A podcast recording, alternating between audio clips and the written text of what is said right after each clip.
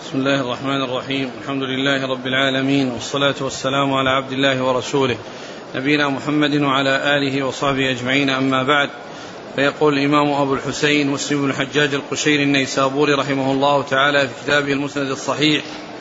قال حدثنا يحيى بن يحيى قال قرأت على مالك عن عبد الله بن أبي بكر عن عمرة أن عائشة رضي الله عنها أخبرتها أن رسول الله صلى الله عليه وسلم كان عندها وأنها سمعت صوت رجل يستأذن في بيت حفصة قالت عائشة فقلت يا رسول الله هذا رجل يستأذن في بيتك.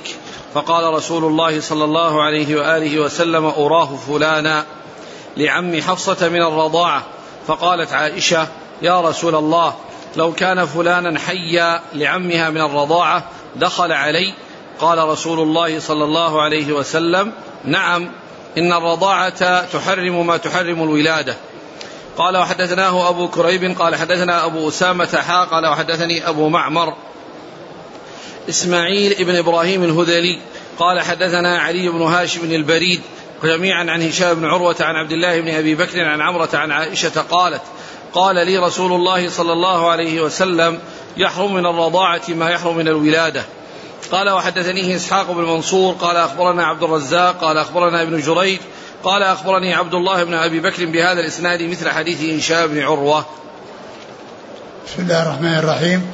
الحمد لله رب العالمين. وصلى الله وسلم وبارك على عبده ورسوله نبينا محمد وعلى آله وأصحابه أجمعين. أما بعد فهذا الحديث عن عائشة رضي الله تعالى عنها من من الأحاديث العامة الجامعة التي هي من جوامع كلمة عليه الصلاة والسلام لأنه أتى بلفظ عام وهو قوله صلى الله عليه وسلم يحرم من الرضاعة ما يحرم من ما يحرم من الولادة. يعني أنه يحرم من الرضاعة ما يحرم من النسب. فكل ما حرمت من النسب فما يماثلها من الرضاعة فإنها تكون حرام. وهذا الحديث أورده ابن رجب الحنبلي رحمه الله في بالثمانية الأحاديث التي زادها عن الأربعين النووية لأن الأحاديث الأربعين, الأربعين هي اثنان وأربعون وزاد ابن رجب ثمانية أحاديث وشرح الجميع بكتاب سماه جامع العلوم والحكم في شرح خمسين حديثا من جوامع الكلم لأن الأربعين للنووي هي من جوامع الكلم والثمانية التي زادها من جوامع الكلم وهذا الحديث الذي معنا هو الحديث الرابع والأربعون من الأحاديث النووية وما ألحقها بالرجب وهو الحديث الثاني من الأحاديث التي زادها بالرجب. هو حديث كما هو معلوم جامع وواسع يعني يدل على أن ما حرم من النسب يحرم مثله من الرضاع. فإذا تزوج فإذا رضع طفل من امرأة إذا رضع طفل من امرأة فإن هذه المرأة تكون أمة أمة من الرضاعة وآباؤها وأجدادها ويعني وأمهاتها وجداتها كلهم يعني يعني يعتبرون محارم له. يعني آباء المرضعة وأجدادها وأمهاتها كل هؤلاء من محارمه. وكذلك أخواتها وإخوانها يعني أخوال له وأولادها أيضا من جميع ولو كانوا من أزواج متعددين هم إخوان له من الرضاعة. إذا كانوا من أزواج متعددين ليس بشرط أن يكون ممن شاركه في اللبن وإنما إذا كان عندها أولاد من أزواج متعددين فإنهم إخوان له من الرضاعة.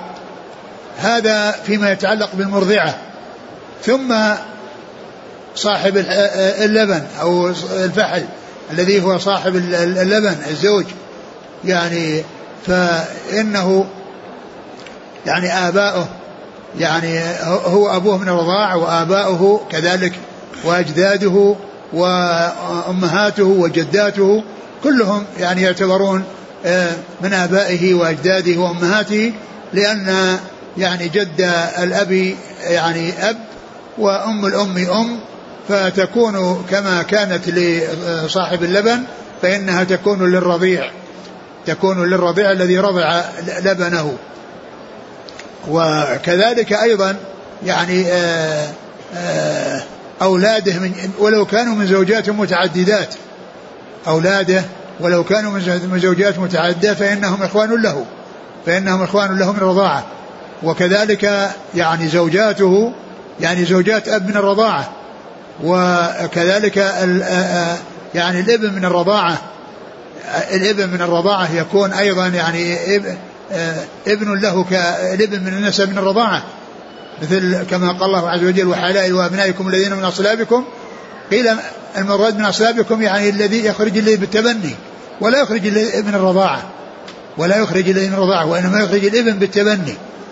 ف ف يعني كل يعني من يعني يتعلق بالمرضعة فهو من أقاربه وكل من يتعلق بصاحب اللبن فهو أيضا من أقاربه وهذا كله يدخل تحت هذا العموم عموم هذا الحديث الذي قال فيه الرسول صلى الله عليه وسلم يحرم من الولادة ما يحرم من يحرم من الرضاعة ما يحرم من الولادة.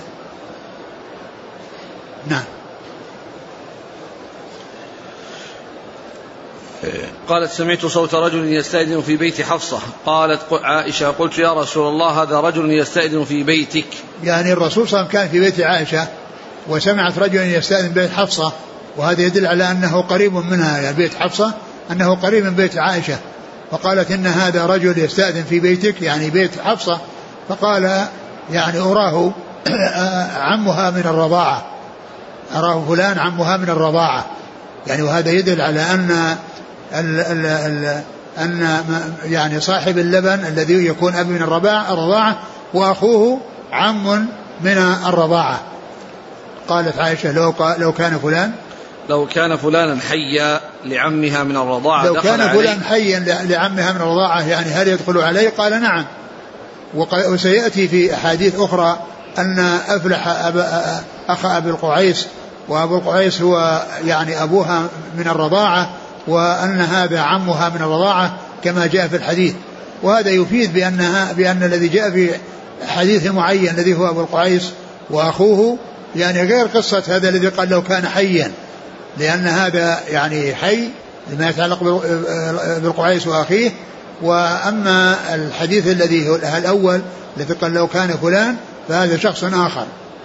ولعله كان يعني يتعلق من جهة النسب. يعني من جهة يعني من جهة من جهة أبيها وأنه أخ لأبيها. يعني أنه أخ ل يعني ل يعني من هو في في درجة عالية فوقها؟ يعني فالحاصل أن آه، آه، يعني أبا القعيس هذا يعني رضعت من لبنه وأخوه وأخوه عمه الرضاع وهذا الذي جاء يعني مبهما يعني يمكن أن يكون يعني أخا لأبي بكر يعني أخا لأبي بكر يعني من الرضاع. نعم. ذكر النووي احتمال آخر. نعم. قال لها عمان من نعم. الرضاعة أحدهما كان ميتا والآخر حي وهو أفلح. أخو نعم. أبي القعيس. أي نعم يعني هذا يتعلق ب يعني من أخوان لأبي القعيس أخوان لأبي القعيس. أي نعم. نعم؟ ممكن نعم. ممكن محتمل ويحتمل يكون من جهة أبيها. نعم. لا لا كان من جهة أبيها كيف تحرم تسعى عن الرضاعة. لا يعني إذا كان عم عمها يعني أخو, أخو أبيها من الرضاعة يكون يعني عمها من الرضاعة. كيف يكون أخو أبيها من الرضاع من جهة أبو بكر؟ اي نعم. يعني أبو بكر رضع من أحد. يعني فرض يعني على تصور شيء أنه يتصور بهذا. أو يحتمل يكون هذا. نعم. قال حدثنا يحيى بن يحيى قال قرأت على مالك عن عبد الله بن أبي بكر عن عمرة. عبد الله بن أبي بكر بن محمد بن عبد الحسن عن عمرة بنت عبد الرحمن الأنصارية. قال وحدثناه أبو كريب محمد بن علاء بن كريب. عن أبي أسامة. حماد بن أسامة. قال حا وحدثني أبو معمر إسماعيل بن إبراهيم الهذلي عن علي بن هاشم بن البريد عن هشام بن عروة عن عبد الله بن أبي بكر بن أبي بكر عن عمرة عن عائشة. نعم. قال وحدثنيه إسحاق بن منصور عن عبد الرزاق. ابن همام الصنعاني. عن ابن جريج. عبد الملك بن عبد العزيز بن جريج. عن عبد الله بن أبي بكر بهذا الإسناد. نعم نعم. قال الحافظ لما قالت عائشة لو كان فلانا حيا. قال الحافظ لم أقف على اسمه. نعم. ووهم من فسره بأفلح أخ أبي القعيس. نعم. لأن أبا القعيس أبو عائشة من الرضاعة. وهذا حي. وأما أفلح فهو أخوه وهو عمها من الرضاعة. نعم. كما سيأتي أنه عاش حتى جاء يستأذن على عائشة فأمرها النبي صلى الله عليه وسلم أن تأذن له بعد أن امتنعت. وقوله ولو كان حيا يدل على أنه كان مات فيحتمل أن يكون أخا لهما آخر. نعم. ويحتمل أن تكون ظنت أنه مات. لبعد عهدها به. ثم قدم بعد ذلك فاستأذن. وقال ابن التين سئل الشيخ أبو الحسن عن قول عائشة رضي الله عنها لو كان فلانا حيا أين هو من الحديث الآخر؟ الذي فيه فأبيت أن آذن له. فالأول ذكرت أنه ميت والثاني ذكرت أنه حي. فقال هما عمان من الرضاعة. أحدهما رضع مع أبي بكر الصديق. وهو الذي قالت فيه لو كان حيا. والآخر أخو أبيها من الرضاعة. قال الحافظ الثاني ظاهر من الحديث. والأول حسن محتمل. وقد ارتضاه عياض. إلا أنه يحتاج إلى نقل لكونه جزم به. قال وقال ابن أبي حازم أرى أرى أن المرأة التي أرضعت عائشة امرأة أخي الذي استأذن عليها. قال الحافظ هذا بين في الحديث الثاني. لا يحتاج إلى ظن. ولا هو مشكل إنما المشكل كونها سألت عن الأول ثم توقفت في الثاني. وقد أجاب عنه القرطبي فقال هما سؤالان وقعا مرتين في زمنين عن رجلين وتكرر منها ذلك إما لأنها نسيت القصة الأولى وإما لأنها جوزت تغير الحكم. فأعادت السؤال انتهى. وتمامه أن يقال السؤال الأول كان قبل الوقوع. والثاني بعد الوقوع. فلا استبعاد في تجويز ما ذكر من نسيان أو في تجويز ما ذكر من نسيان أو تجويز النسخ. ويؤخذ من كلام عياض جواب آخر وهو أن أحد العمين كان أعلى والآخر أدنى أو كان أحدهما أو أحدهما كان شقيقا والآخر لأب فقط أو لأم فقط أو أرضعتها زوجة أخيه بعد موته. والآخر في حياته. كله على سبيل الاحتمال يعني كل مسألة احتمالية. نعم. كلها احتمالات. قال رحمه الله تعالى حدثنا يحيى بن يحيى قال قرأت على مالك عن ابن شهاب عن عروة بن الزبير عن عائشة أنها أخبرته أن أفلح أخا أبي القعيس جاء يستأذن عليها وهو عمها من الرضاعة بعد أن أنزل الحجاب. قالت فأبيت أن آذن له. فلما جاء رسول الله صلى الله عليه وسلم أخبرته بالذي صنعت فأمرني أن آذن له علي. قال وحدثناه أبو بكر بن أبي شيبة قال حدثنا سفيان بن عيينة عن الزهري عن عروة عن عائشة. قالت أتاني عمي من الرضاعة أفلح بن أبي قعيس. فذكر بمعنى حديث مالك وزاد قلت إنما أرضعتني المرأة ولم يرضعني الرجل. قال تربت يداك أو يمينك. قال وحدثني حرملة بن يحيى. قال حدثنا ابن وهب قال أخبرني يونس عن ابن شهاب عن عروة أن عائشة أخبرت أنه جاء أفلح أخو أبي القعيس يستأذن عليها بعدما نزل الحجاب وكان أبو القعيس أبا عائشة من الرضاعة. قالت عائشة فقلت والله لا آذن لأفلح حتى أستأذن رسول الله صلى الله عليه وسلم فإن أبا القعيس ليس هو أرضعني ولكن أرضعتني امرأته. قالت عائشة فلما دخل رسول الله صلى الله عليه وسلم قلت يا رسول الله إن أفلح أخا أبي القعيس جاءني يستأذن علي فكرهت أن آذن له حتى أستأذنك. قالت فقال النبي صلى الله عليه وآله وسلم ائذني له. قال عروة فبذلك كانت عائشة تقول حرموا من الرضاعة ما تحرمون من النسب.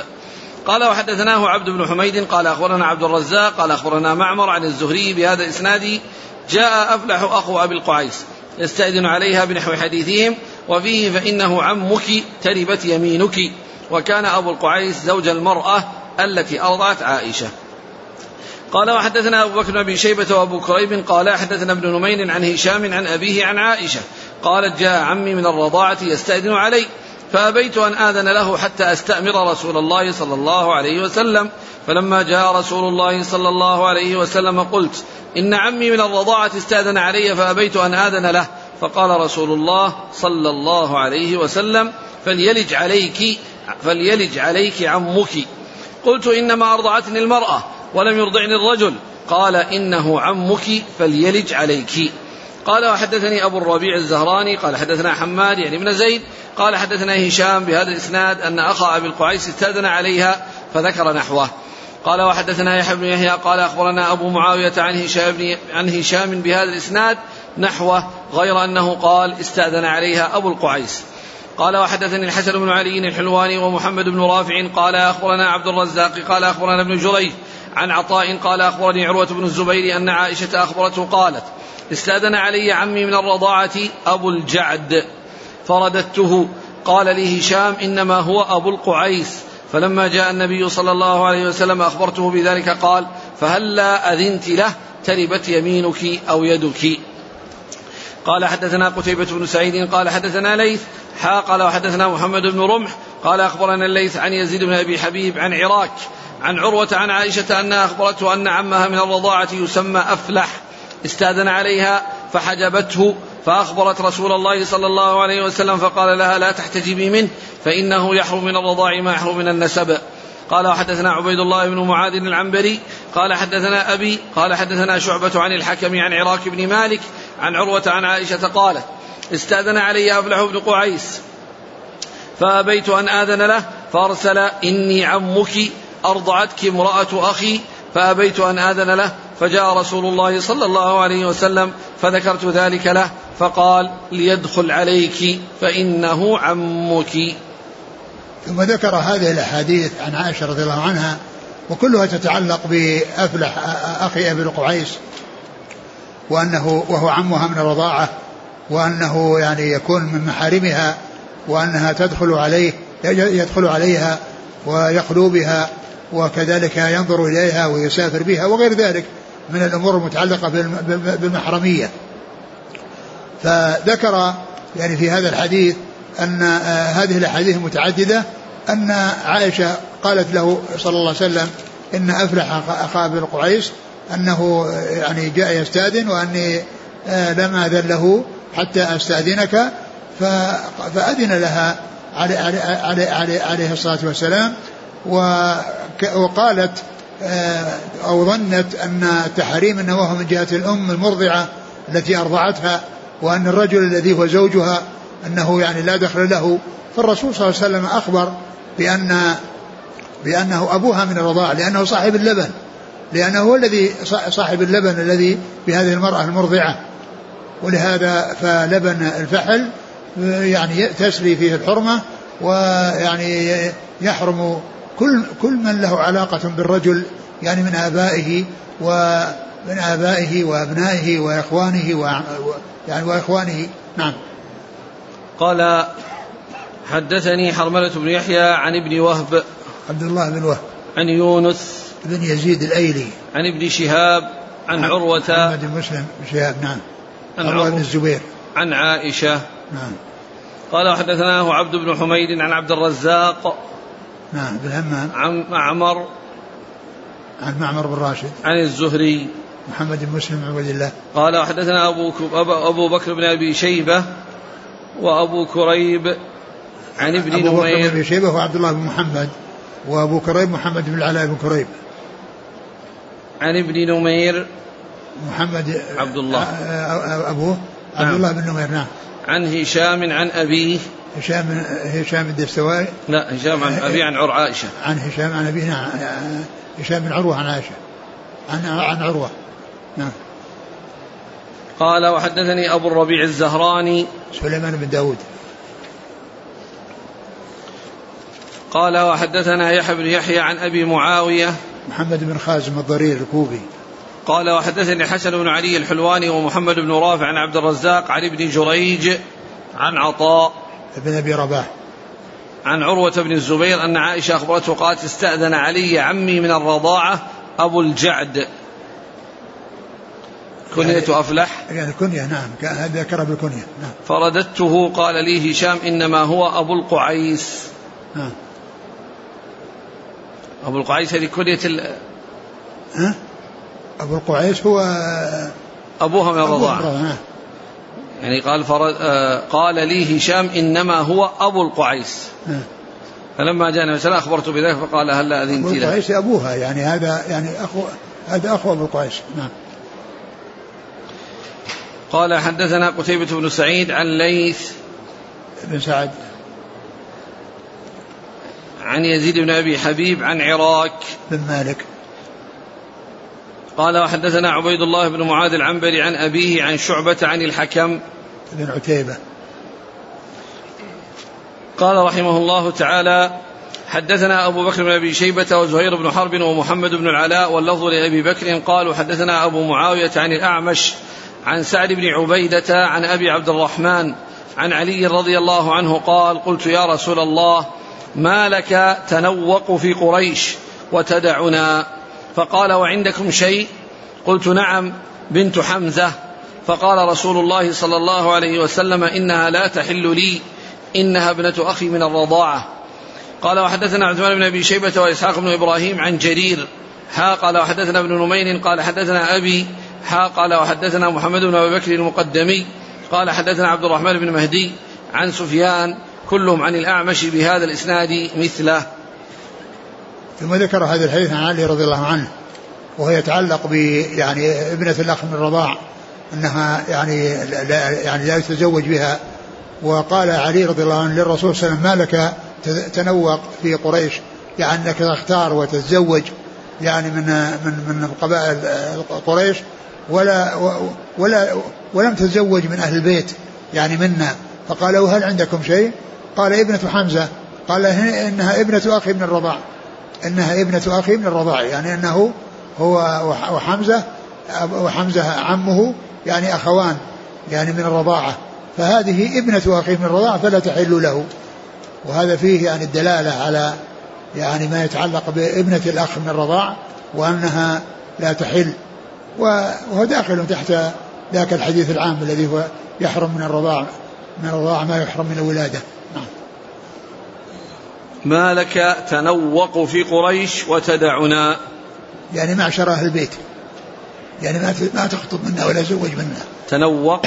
يعني معناه أنه يختار يختار منهم ويخطب منهم ويزوج منهم. قال حدثنا أبو بكر بن شيبة وزير بن حرب ومحمد بن علاء عن أبي معاوية عن الأعمش عن سعد بن عبيدة عن أبي عبد الرحمن. أبو عبد الرحمن هو سلمي عبد الله عبد الله بن حبيب. ويعني وسعد بن عبيدة هو يعني زوج ابنته زوج ابنة عبد الرحمن أبي عبد الرحمن السلمي. هذا المقرئ اللي هو أبو عبد الرحمن السلمي عبد الله بن حبيب. نعم. قال وحدثنا عثمان بن أبي شيبة وإسحاق بن إبراهيم عن جرير. بن عبد الحميد. قال وحدثنا محمد بن بكر المقدم عن عبد الرحمن بن مهدي عن سفيان الثوري. قال وحدثنا هداب بن خالد عن همام. هداب بن خالد هو هدبة بن خالد. يعني آه، قيل اسمه قيل اسمه هدبة ولقبه هداب. يعني لقب مأخوذ من الاسم. وكثيرا ما يأتي عند مسلم بلفظ هداب. كثيرا ما يأتي عند مسلم بلفظ هداب. نعم. نقرأ الإسناد. قال وحدثنا هداب بن خالد قال حدثنا همام قال حدثنا قتادة عن جابر بن زيد عن ابن عباس رضي الله عنهما أن النبي صلى الله عليه وسلم أريد على ابنة حمزة فقال إنها لا تحل لي إنها ابنة أخي من الرضاعة ويحرم من الرضاعة ما يحرم من الرحم. قال وحدثناه زهير بن حرب قال حدثنا يحيى وهو القطان قال وحدثنا حاء قال وحدثنا محمد بن يحيى بن مهران القطعي قال حدثنا بشر بن عمر جميعا عن شعبة. حاء قال وحدثناه أبو بكر بن شيبة قال حدثنا علي بن مسهر عن سعيد بن أبي عروبة كلاهما عن قتادة بإسناد همام سواء غير أن حديث شعبة انتهى عند قوله ابنة أخي من الرضاعة وفي حديث سعيد وإنه يحرم من الرضاعة ما يحرم من النسب. وفي رواية بشر بن عمر سمع قال سمعت جابر بن زيد. وهذا مثل الذي قبله. يتعلق بابنة حمزة. وفي هنا قال أريد على ابنة حمزة يعني أريد أن يتزوج أريد منه أن يتزوجها أو عرض عليه أن يتزوجها. أريد على ابنة حمزة أن الرسول أريد على يعني طلب منه أن يتزوجها. فقال إنها لا تحل له لأنها ابنة أخيه من الرضاعة. نعم. وهو مثل الذي قبله. قال حدثنا هداب بن خالد عن همام بن يحيى العوذي. عن قتادة عن جابر بن زيد. قتادة بن دعامة السدوسي. نعم. عن جابر بن زيد عن أبي عن ابن عباس. نعم. قال وحدثنا هارون بن سعيد الأيلي وأحمد بن عيسى. قال حدثنا ابن وهب. قال أخبرني مخرمة بن بكير عن أبيه. قال سمعت عبد الله بن مسلم يقول سمعت محمد بن مسلم يقول سمعت حميد بن عبد الرحمن يقول سمعت أم سلمة رضي الله عنها زوج النبي صلى الله عليه وسلم تقول قيل لرسول الله صلى الله عليه وآله وسلم أين أنت يا رسول الله عن ابنة حمزة؟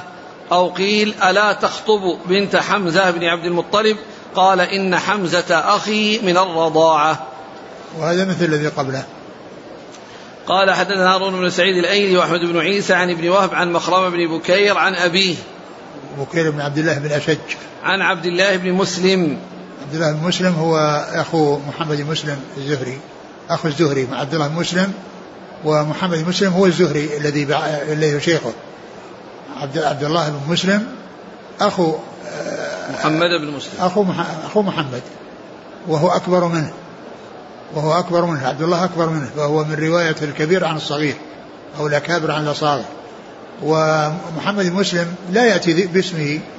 كان أكثر ما يأتي بالزهري أو أو ابن شهاب ولكنه جاء باسمه هنا قال محمد مسلم. وهذا نادر نادر الوقوع وإنما الأكثر أن يقال ابن شهاب أو يقال الزهري.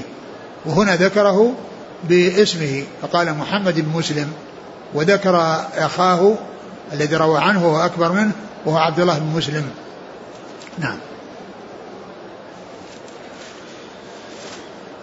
عن حميد بن عبد الرحمن بن عوف. وهذا يعني فيه أربعة من من التابعين. أربعة يعني من التابعين. من هو أول اللي قبل عبد الله من هو؟ نعم الذي قبل عبد الله بن مسلم. آه، مخرمة بن بكير عن أبيه. عن بكير بن عبد الله بن الأشج بكير بن عبد الله الأشج عبد الله بن مسلم محمد بن مسلم آه، حميد بن عبد الرحمن. عن أم سلمة. نعم أم المؤمنين رضي الله عنها. قال رحمه الله تعالى حدثنا أبو كريم محمد بن العلاء قال حدثنا أبو أسامة قال أخبرنا هشام قال أخبرني أبي عن زينب بنت أم سلمة عن أم حبيبة بنت أبي سفيان رضي الله عنهم قالت دخل علي رسول الله صلى الله عليه وسلم فقلت له هل لك في أختي بنت أبي سفيان؟ فقال أفعل ماذا؟ قلت تنكحها. قال أو تحبين ذلك؟ قلت لست قلت لست لك بمخليه وأحب من شرك من شركني في الخير أختي. قال فإنها لا تحل لي. قلت فإني أخبرت أنك تخطب درة بنت أبي سلمة. قال بنت أم سلمة. قلت نعم. قال لو أنها لم تكن ربيبتي في حجري ما حلت لي. إنها ابنة أخي من الرضاعة. أرضعتني وأباها ثويبة. فلا تعرضن علي بناتكن ولا أخواتكن. قال وحدثنيه سويد بن سعيد قال حدثنا يحيى بن زكريا بن أبي زائدة حاء قال حدثنا عمرو الناقد قال حدثنا الأسود بن عامر قال أخبرنا زهير كلاهما عن هشام بن عروة بهذا الإسناد سواء. قال وحدثنا محمد بن رمح بن المهاجر قال أخبرنا الليث عن يزيد بن أبي حبيب أن محمد بن شهاب كتب يذكر أن عروة حدثه أن زينب بنت أبي سلمة حدثته أن أم حبيبة زوج النبي صلى الله عليه وسلم حدثتها أنها قالت لرسول الله صلى الله عليه وسلم يا رسول الله انكح أختي عزة. فقال رسول الله صلى الله عليه وآله وسلم أتحبين ذلك؟ فقالت نعم يا رسول الله لست لك بمخلية وأحب من شركني في خير أختي. فقال رسول الله صلى الله عليه وسلم فإن ذلك لا يحل لي. قالت فقلت يا رسول الله فإنا نتحدث أنك تريد أن تنكح درة بنت أبي سلمة. قال بنت أبي سلمة؟ قالت نعم. قال رسول الله صلى الله عليه وآله وسلم لو أنها لم تكن ربيبتي في حجري ما حلت لي. إنها ابنة أخي من الرضاعة أرضعتني وأبا سلمة ثويبة فلا تعرضن علي بناتكن ولا أخواتكن.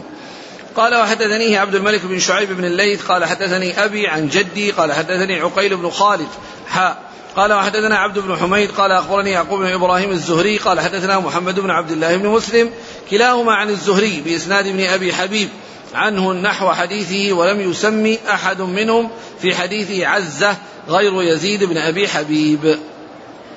ثم ذكر هذه الأحاديث المتعلقة أيضا بكون كون أم حبيبة ابنة أبي سفيان أم المؤمنين رضي الله عنها عرضت على الرسول صلى الله عليه وسلم أن يتزوج أختها. فالرسول عليه السلام قال أو تحبين ذلك؟ يعني كونه يتزوج عليها أختها. قالت لست لك بمخلية يعني لست منفردة بك بل بل هناك نساء شاركنها وأحب, وأحب من شاركني في خير أختي إن تريد الخير لأختها بحيث تكون زوجة الرسول صلى الله عليه وسلم وتحصل هذا الشرف وتكون أما للمؤمنين فهي أرادت الخير لأختها. فالرسول عليه السلام قال إنها لا تحل لي. قال إن كنا نسمع ونتحدث أنك تريد آه، ابنة أبي سلمة. قال أبو سلمة يعني قال قالوا نعم قال إن أنها لو لم تكن آه، ربيبتي في حجري فإنها لا تحل لي لأن ثويبة أرضعتني وأبا سلمة فهي يعني بنت أخ من الرضاعة يعني معناها أن الحرمة حصلت من جهتين من جهة أنها ربيبة وبنت زوجة ومن جهة أنها بنت أخ من الرضاعة. ثم قال عليه الصلاة والسلام جملة عامة شاملة قال لا تعرضن علي أخواتكن ولا بناتكن. فقول لا تعرضن أخواتكن يرجع إلى أم حبيبة وعرض أم حبيبة. ولا بناتكن يعني يرجع ل يعني بنت أم سلمة. بنت أم سلمة. قال لا تعرضن علي بناتكن ولا أخواتكن. وفي قوله بناتكن يدل على أن بنت الربيب أيضا ربيبة. يعني بنت يعني بنت الربيبة ربيبة الربيبة يعني بنتها ربيبة والربيب أيضا بنته ربيبة. لأنها داخلة تحت قوله بناتكن. لأنها لأن يعني زوجته يعني آه، آه، تكون يعني آه، يعني أما لبنت الابن ولبنت البنت. قال لا تعرض علي بناتكن ولا أخواتكن يعني فإذا هذا يدل على أن بنت الربيب أيضا ربيبة. يعني ليس الأمر يعني بنت الربيبة فقط أو الربيبة أو بنت الربيبة. بل حتى بنت الربيب لأنها داخلة تحت قوله بناتكن لأنها من بنات الزوجة أو بنات الزوجات. نعم. قال حدثنا أبو كريم محمد بن علاء عن أبي أسامة عن هشام عن أبيه عن زينب بنت أم سلمة عن أم حبيبة بنت أبي سفيان. نعم. قال حدثنا عمرو الناقد عن الأسود بن عامر عن زهير. زهير بن معاوية.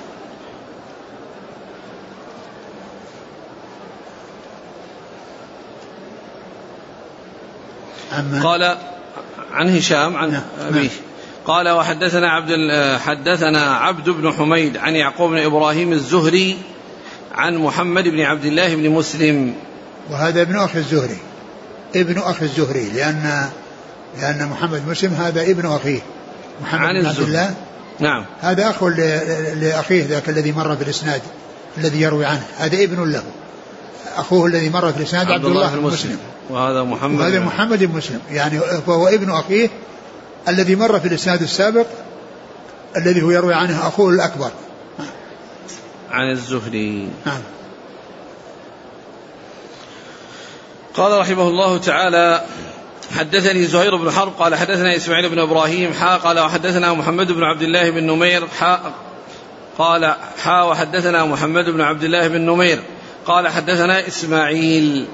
حا قال حدثنا سويد بن سعيد قال حدثنا معتمر بن سليمان كلاهما عن أيوب عن ابن أبي مليكة عن عبد الله بن الزبير عن عائشة قالت قال رسول الله صلى الله عليه وسلم وقال سويد وزهير إن النبي صلى الله عليه وسلم قال لا تحرم المصة والمصتان.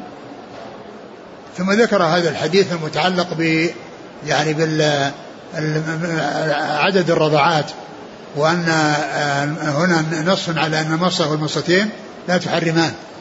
وكذلك ما زاد عليهما إلى الخمس. فإذا وصلت إلى الخمس يحصل التحريم. المصة والمصتان والثلاث والأربع هذه لا تحرم وإنما يحرم الخمس. وهذا هو التنصيص هذا فيه تنصيص على المصة والمصتين أنهما لا يحصل بهما التحريم وإنما يكون التحريم فيما بلغ خمس رضعات وما زاد عليها. أما إذا نقص عنها فإنه لا يحصل به التحريم كما سيأتي في الأحاديث الدالة على أن على أن أقل شيء يحصل به التحريم إنما هو خمس رضعات وأن ما دونها لا يحصل به تحريم. وهذا فيه تنصيص على المصة والمصتين مما هو دون الخمس. نعم. والمقصود بالمصة أو الرضعة يعني التقام الثدي وإطلاقه. لا يعني ذلك أنه يعني يروى يشبع وأنه يكون في حجر وأن هذه مرة وإنما إذا التقمه وأطلقه صارت رضعة. حتى يعني يبلغ خمس. نعم. قال حدثنا سويد بن سعيد عن معتمر بن سليمان كلاهما عن أيوب. بن أبي تيمية السختياني عن ابن أبي مليكة. عبد الله بن عبيد الله. عن عبد الله بن الزبير عن عائشة. نعم. قال حدثنا يحيى بن يحيى وعمر الناقد وإسحاق بن إبراهيم كلهم عن المعتمر واللفظ ليحيى قال أخبرنا المعتمر بن سليمان عن أيوب يحدث عن أبي الخليل عن عبد الله بن الحارث عن أم الفضل رضي الله عنها قالت دخل أعرابي على نبي الله صلى الله عليه وسلم وهو في بيتي فقال يا نبي الله إني كانت لي امرأة فتزوجت عليها أخرى. فزعمت امرأتي الأولى أنها أرضعت امرأتي الحدثى رضعة أو رضعتين. فقال نبي الله صلى الله عليه وسلم لا تحرم الإملاجة ولا الإملاجتان. قال عمرو في روايته عن عبد الله بن الحارث بن نوفل. قال وحدثني أبو غسان المسمعي. قال حدثنا معاذ حا قال حدثنا ابن المثنى وابن بشار. قال حدثنا معاذ بن هشام. قال حدثني أبي عن قتادة عن صالح بن أبي مريم. أبي الخليل عن عبد الله بن الحارث عن أم الفضل أن رجلا من بني عامر بن صعصعة قال يا نبي الله هل تحرم الرضعة الواحدة؟ قال لا. قال حدثنا أبو بكر بن شيبة قال حدثنا محمد بن بشر قال حدثنا سعيد بن أبي عروبة عن قتادة عن أبي الخليل عن عبد الله بن الحارث أن أم الفضل حدثت أن نبي الله صلى الله عليه وآله وسلم قال لا تحرم الرضعة أو الرضعتان أو المصة أو المصتان. قال وحدثناه أبو بكر بن أبي شيبة وإسحاق بن إبراهيم جميعا عن عبدة بن سليمان عن, عن ابن أبي عروبة بهذا الإسناد. أما إسحاق فقال كرواية ابن بشر أو الرضعتان أو المصتان وأما ابن أبي شيبة فقال والرضعتان والمصتان قال وحدثنا ابن أبي عمر قال حدثنا بشر بن السري. قال حدثنا حماد بن سلمة عن قتادة عن أبي الخليل عن عبد الله بن الحارث بن نوفل عن أم الفضل عن النبي صلى الله عليه وسلم قال لا تحرم الإملاجة ولا الإملاجتان. قال حدثني أحمد بن سعيد الدارمي قال حدثنا حبان قال حدثنا همام قال حدثنا قتادة عن أبي الخليل عن عبد الله بن الحارث عن أم الفضل. سأل, رسول سأل رجل النبي صلى الله عليه وسلم أتحرم المصة فقال لا. ثم ذكر هذه الحديث عن أم الفضل وهي لبابه بنت الحارث الهلالية آه، أخت أم المؤمنين ميمونة وهي زوجة وهي أم أولاد العباس. أم الفضل والفضل هو أكبر أولاد العباس. ففي هذه الأحاديث أن آه، ما يعني ما يتفق مع الحديث السابق وهو أن المصه والمصتين أو الإملاج والإملاجتين أو الرضعه والرضعتين أنهما لا تحرم وإنما يحصل التحريم بالخمس فما زاد كما كما أشرت إليه وكما سيأتي الحديث في ذلك. فكل هذه الروايات هي مماثلة للرواية الأولى تدل على أن المصه الواحدة لا تحرم وعلى أن المصتين لا تحرم وفي بعض الروايات الإملاجة والمراد بالإملاجة هي الرضعة. نعم. قال حدثنا يحيى بن يحيى وعمر الناقد وإسحاق بن إبراهيم كلهم عن المعتمر عن أيوب. المعتمر بن سليمان وأيوب بن تيمية السختياني. عن أبي الخليل. وجاء ذكره في صالح بن أبي مريم. عن عبد الله بن الحارث عن أم الفضل. نعم. قال وحدثني أبو غسان المسمعي. مالك بن عبد الواحد. عن معاذ. معاذ بن معاذ. نعم. معاذ إيش؟ عن هشام. أبيه. نعم. معاذ بن هشام. نعم. غير معاذ بن معاذ. معاذ بن هشام الدستوائي قال وحدثناه أبو بكر بن شيبة وإسحاق بن إبراهيم عن عبد بن سليمان عن ابن أبي عروبة. وهو سعيد بن أبي عروبة. قال حدثني أحمد بن سعيد الدارمي عن حبان. حبان بن هلال. عن هم حبان بن هلال. نعم. عن همام عن قتادة عن أبي الخليل. نعم. قال رحمه الله تعالى حدثنا يحيى بن يحيى قال قرأت على مالك عن عبد الله بن أبي بكر عن عمرة عن عائشة أنها قالت كان فيما أنزل من القرآن عشر رضعات معلومات يحرمن ثم نسخنا بخمس معلومات. فتوفي رسول الله صلى الله عليه وسلم وهن فيما يقرأ من القرآن. قال حدثنا عبد الله بن مسلمة القعنبي قال حدثنا سليمان بن بلال عن يحيى وهو ابن وهو ابن سعيد عن عمرة أنها سمعت عائشة تقول وهي تذكر الذي يحرم من الرضاعة قالت عمرة فقالت عائشة نزل في القرآن عشر رضعات معلومات ثم نزل أيضا خمس معلومات. قال وحدثناه محمد بن المثنى قال حدثنا عبد الوهاب قال سمعت يحيى بن سعيد قال أخبرتني عمرة أنها سمعت عائشة تقول بمثله.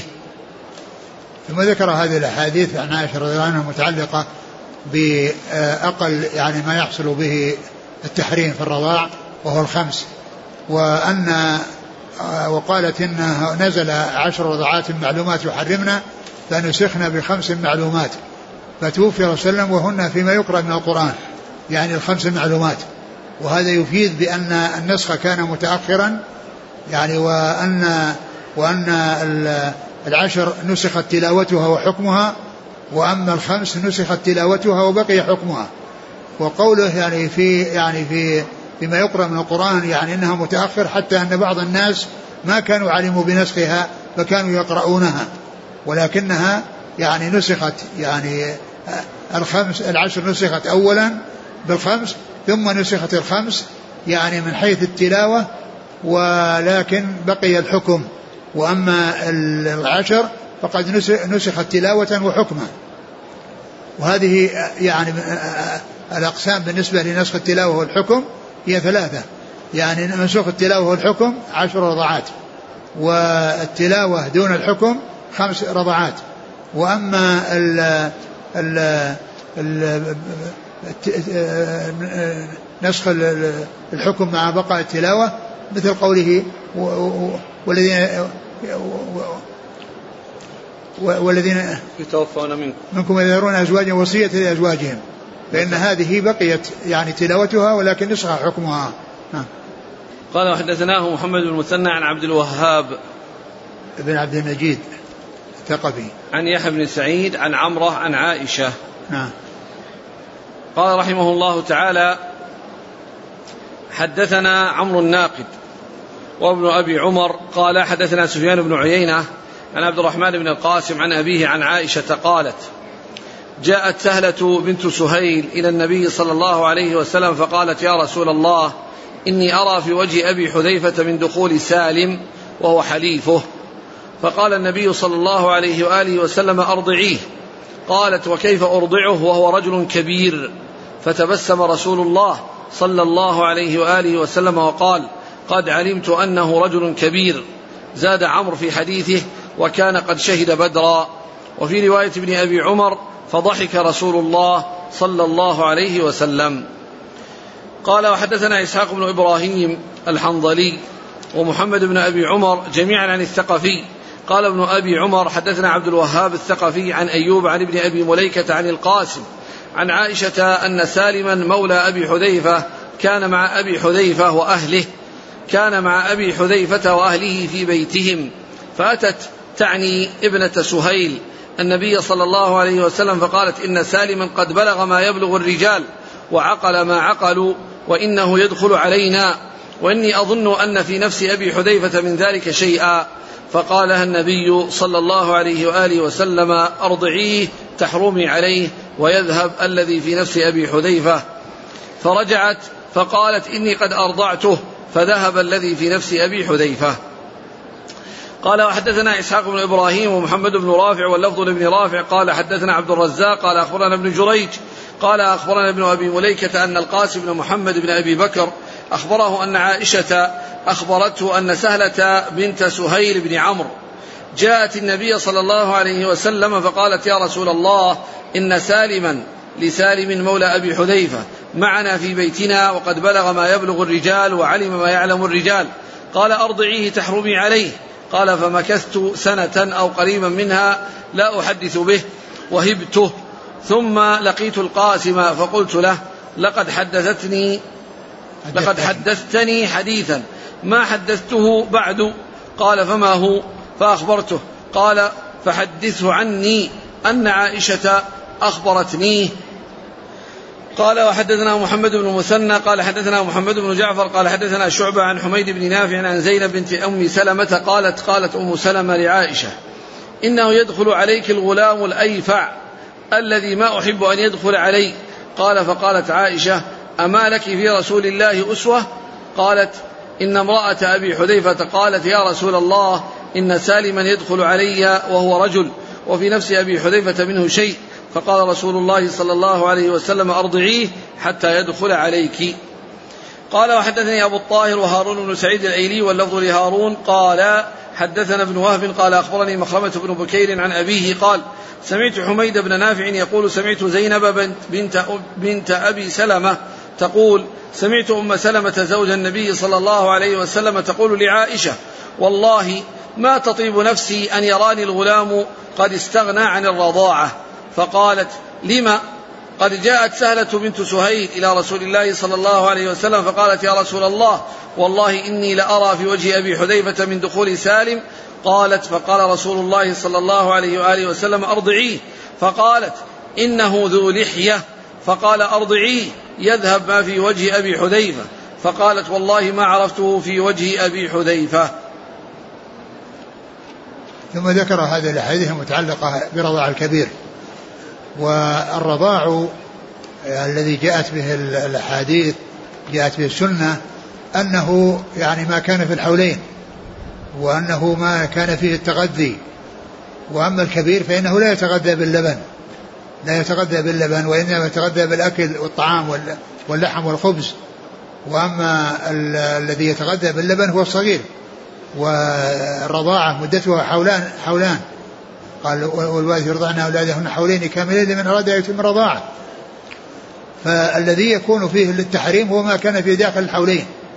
أما ما زاد على ذلك فإنه لا يحصل به التحريم لأنه استغنى عن عن اللبن بأكله الطعام. والكبير يعني من باب أولى إذا كان من فوق الحولين يعني وقد استغنى عن الأكل عن عن الحليب بالأكل والطعام الذي يطعمه فالكبير من باب أولى. وما جاء في هذه الأحاديث من قصة سالم مولى أبي حذيفة الذي كان عندهم في بيتهم وكان نشأ فيهم وأنهم استمر على يعني آه على مخالطتهم وأن يعني سهلة بنت سهيل بن عمرو آه يعني ترى الكراهية في وجه أبي حذيفة وأن وأنها أخبرت رسول الله صلى الله عليه وسلم بذلك فقال أرضعيه. أرضعيه تحرمي عليه. أرضعيه. ف فحصل منها إرضاعه. وقيل إن هذا الإرضاع إنما يكون بكونها حلبت يعني في إناء أو في في كأس أو غيره وأعطته. لأن مصافحة المرأة يعني لا تجوز فالتقام ثديها من باب أولى في حق الكبير. وإنما يحصل ذلك ب يعني حلب الحليب واللبن ووضعه في وعاء ثم يعطاه إياه ويشربه. فهذا هو الذي يعني يحتمل أنه هو الذي حصل بالنسبة لها. وقد جاء عن أزواج الرسول صلى الله عليه وسلم جميعهن ما عدا عائشة أنهن يرين أن ذلك خاص بسالم وأنه لا يتعداه إلى غيره وأما عائشة فإنه ترى فإنها ترى أنه يتعدى إلى غيره. ولكن الذي عليه العلماء والذي هو مشهور عند أهل العلم أن الرضاع الكبير يعني لا يؤثر وأن ذلك خاص أو ما جاء في الحديث خاص ب يعني بسالم مولى أبي حذيفة وأنه لا يتعداه لا يتعداه إلى غيره. ولو كان الرضاع الكبير سائغا وممكنا لأمكن كل زوجها أن تتخلص من زوجها إذا كانت لا تريده. تحلب يعني يعني كاس حليب يعني يجي له خمس رضعات ثم تعطيه إياه فيشربه. وإذا خلص قالت أنت ابني من الرضاعة. أنت ابني من الرضاعة فتتخلص منه. هذا يعني يبين أن مثل هذا أن الذي عليه العلماء والذي عليه أمهات المؤمنين أن هذا هو هو الأولى. نعم. وعائشة رضي الله عنها ترى أن أن أن هذا ليس خاصا بسالم وأنه يجوز للمرأة أنها ترضع الكبير وأنه يحصل به التحريم. لكن سائر أمهات المؤمنين يرين بخلاف ذلك وينكرن على عائشة ذلك. نعم. قال حدثني عبد الملك بن شعيب بن الليث قال حدثني أبي عن جدي قال حدثني عقيل بن خالد عن ابن شهاب أنه قال أخبرني أبو عبيدة بن عبد الله بن زمعة أن أمه زينب بنت أبي سلمة أخبرته أن أمها أم سلمة زوج النبي صلى الله عليه وآله وسلم كانت تقول أبى سائر أزواج النبي صلى الله عليه وسلم أن يدخلن عليهن أحدا بتلك الرضاعة. وقلن لعائشة والله ما نرى هذا إلا رخصة أرخصها رسول الله صلى الله عليه وسلم لسالم خاصة. فما هو بداخل علينا أحد بهذه الرضاعة ولا رائينا. نعم. يعني لا يعني يراهن ولا يدخل عليهن. يعني لا يراهن بل يحتجبن عنه ولا يراهن يحتجبن يغطين وجوههن ولا يدخل عليهن. يعني من كان بهذه الرضاعة. قال حدثني عبد الملك بن شعيب بن الليث عن أبيه عن جده عن عقيل بن خالد. اللي راح يعني هناك. كلها أسانيد مرت. تقدم إسحاق بن إبراهيم محمد بن أبي عمر عن الثقفي. طيب طيب. عبد الملك بن شعيب بن الليث عن أبيه عن جده نعم عن عقيل بن خالد نعم. عن ابن شهاب عن أبي عبيدة بن عبد الله بن زمعة نعم. عن أمه زينب بنت أبي سلمة. عن أم سلمة قال رحمه الله تعالى حدثنا هناد السري هناد بن السري قال حدثنا أبو الأحوص عن أشعث بن أبي الشعثاء عن أبيه عن مسروق قال قالت عائشة رضي الله عنها دخل علي رسول الله صلى الله عليه وآله وسلم وعندي رجل قاعد فاشتد ذلك عليه ورأيت الغضب في وجهه قالت فقلت يا رسول الله إنه أخي من الرضاعة. قالت فقال انظرن إخوتكن من الرضاعة فإنما الرضاعة من المجاعة. قال وحدثناه محمد بن المثنى وابن بشار قال حدثنا محمد بن جعفر حاء قال حدثنا عبيد الله بن معاذ قال حدثنا حدثنا أبي قال قال جميعا حدثنا شعبة حاء قال حدثنا أبو بكر بن أبي شيبة قال حدثنا وكيع حاء قال وحدثني زهير بن حرب قال حدثنا عبد الرحمن بن مهدي جميعا عن سفيان حاء قال وحدثنا عبد بن حميد قال حدثنا حسين الجعفي عن زائدة كلهم عن أشعث بن أبي الشعثاء بإسناد أبي الأحوص كمعنى حديثه غير أنهم قالوا من المجاعة.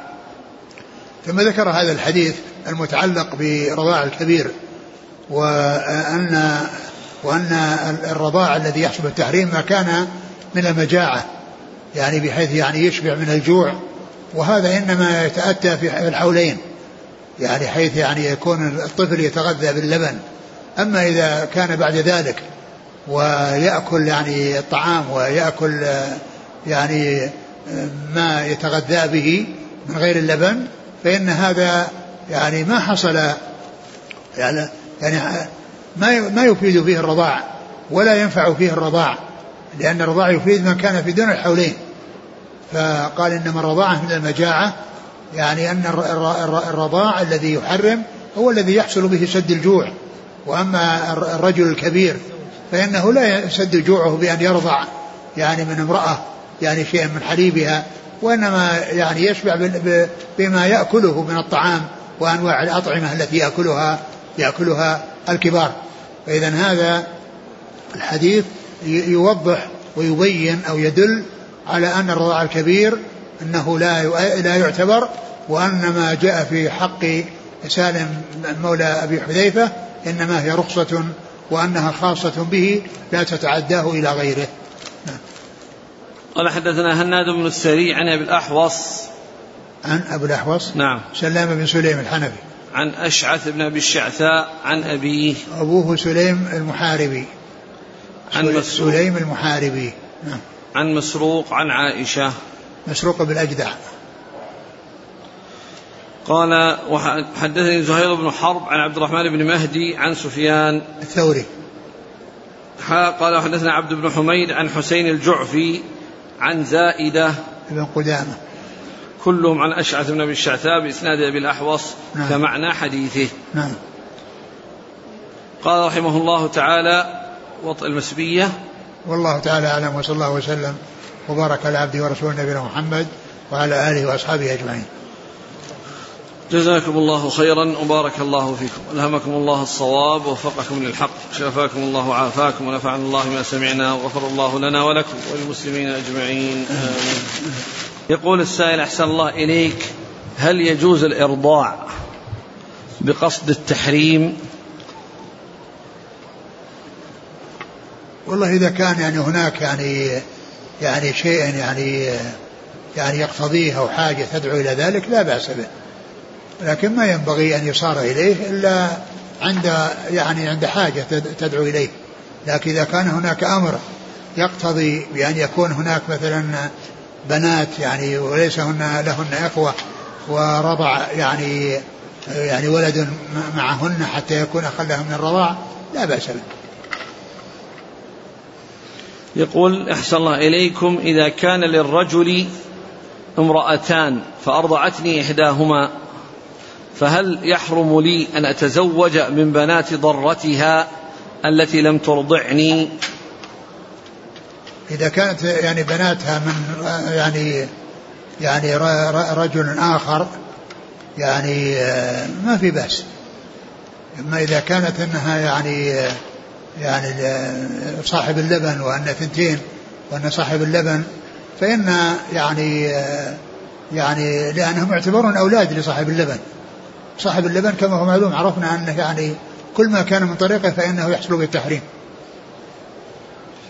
الحديث الأخير روته عائشة رضي الله عنها الرضاعة من المجاعة. ومع ذلك ترى إرضاع الكبير. هل يعني تراجع راجعت عن هذا الرأي أو فهمت؟ كيف؟ حديث الآن الأخير رواة عائشة. إنما الرضاعة من المجاعة. ما أدري لكن عائشة رضي الله عنها معروف عنها يعني هذا يعني أنها كانت تقول به وأن وأن يعني ذلك بعد زمن وأن أمهات المؤمنين يخالفنها يعني في ذلك. ف يعني كونه يعني جاء عنها أنما الرضاعة من المجاعة يمكن أن يكون أنها تحملها على الغالب. أنها تحملها على الغالب يمكن.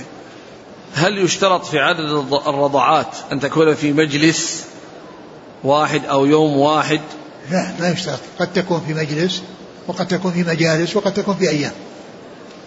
المهم أنها خمس مرات يلتقم الثدي ويطلقه سواء في مجلس أو مجالس أو أيام. التقييد بمشبعات. ما ما في شيء يدل على الإشباع يدل عليه. ما هناك شيء يدل على على, على الإشباع. هل الأم من الرضاعة كالأم من النسب في حقوقها؟ البر والصلة. لا يعني ليست يعني من ناحية البر والصلة والإحسان إليها نعم لكن ليست مثل الأم من النسب. الأم من النسب فيه توارث وفيه يعني يعني أمور كثيرة. يعني ذكر النووي جملة منها. شوف انه ذكر يعني أشياء كثيرة تتعلق بالتفريق بين الأم من الرضاعة والأم من النسب. قال رحمه الله: هذه الأحاديث متفقة على ثبوت حرمة الرضاع. وأجمعت الأمة على ثبوتها بين الرضيع والمرضعة وأنه يصير ابنها يحرم عليه نكاحها أبدا ويحل له النظر إليها والخلوة بها والمسافرة ولا يترتب عليه أحكام الأمومة من كل وجه فلا يتوارثان ولا يجب على واحد منهما نفقة الآخر ولا يعتق عليه بالملك ولا ترد شهادته لها ولا يعقل عنها ولا يسقط عنها القصاص ولا يسقط عنها القصاص بقتله. فهما كالأجنبيين في هذه الأحكام. واجمعوا أيضا على انتشار الحرمة بين المرضعة وأولاد الرضيع وبين الرضيع وأولاد المرضعة وأنه في ذلك كولدها من النسب.